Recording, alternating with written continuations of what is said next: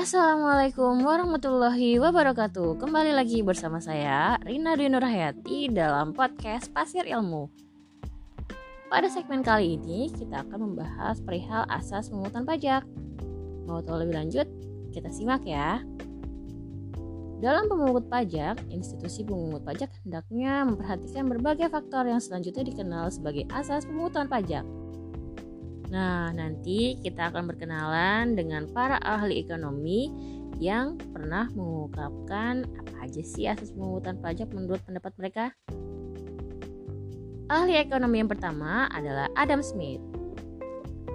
Asas pemungutan pajak menurut Adam Smith yang pertama adalah asas equality.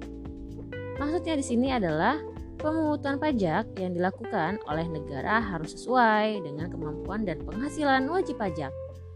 Negara tidak boleh loh bertindak diskriminatif terhadap wajib pajak. Contohnya adalah pada saat wajib pajak memiliki penghasilan yang tinggi, maka dikenai tarif pajak yang tinggi pula. Pada saat wajib pajak memiliki penghasilan yang rendah, maka sebaliknya, tarif pajak yang dikenakan juga harus rendah. Gimana? Paham kan? Yang kedua adalah asas certainty. Semua pemungut pajak harus berdasarkan undang-undang, sehingga bagi yang melanggar akan dikenai sanksi hukuman. Wah, gawat nih ada hukumannya. Yang ketiga adalah asas convenience of payment. Pajak harus dipungut pada saat yang tepat bagi wajib pajak. Misalnya, di saat wajib pajak baru menerima penghasilannya atau di saat wajib pajak menerima hadiah. Yang keempat adalah asas efisiensi. Biaya pemungutan pajak diusahakan sehemat mungkin loh. Jangan sampai terjadi biaya pemungutan pajak yang lebih besar daripada hasil pemungutannya. Bisa gawat. Oke, itu adalah asas pemungutan pajak dari Adam Smith.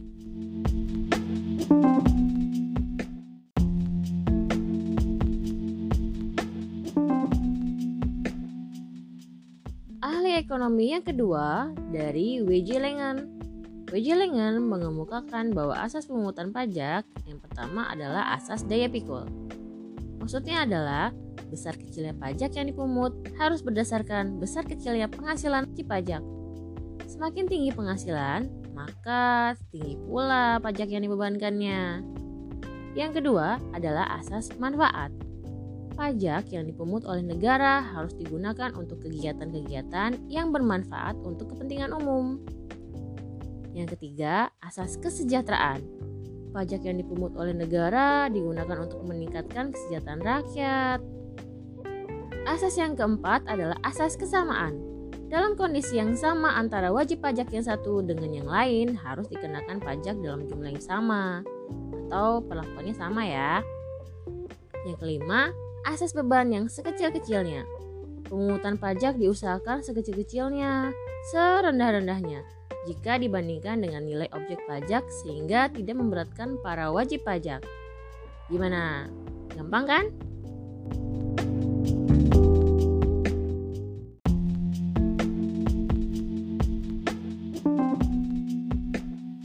Ahli ekonomi yang ketiga adalah Adolf Wegner. Adolf Wegner mengemukakan bahwa asas pemungutan pajak terdiri dari yang pertama, asas politik finansial. Maksudnya adalah Pajak yang dipungut negara jumlahnya harus memadai sehingga dapat membiayai atau mendorong semua kegiatan negara. Yang kedua, asas ekonomi. Penentuan objek pajak harus tepat. Misalnya, pajak pendapatan diperoleh dari potongan penghasilan kita. Kemudian, pajak untuk barang mewah karena kita memiliki barang mewah. Yang ketiga, asas keadilan. Maksudnya di sini adalah Pungutan pajak berlaku secara umum tanpa diskriminasi. Untuk kondisi yang sama diperlakukan sama pula. Yang keempat adalah asas administrasi. Menyangkut masalah kepastian perpajakan, jadi kita harus tahu nih wajib sebagai wajib pajak kapan sih kita bayar pajak, di mana harus membayar pajak. Keluasan penagihannya, bagaimana cara membayarnya, dan berapa besarnya biaya pajak yang dibayarkan.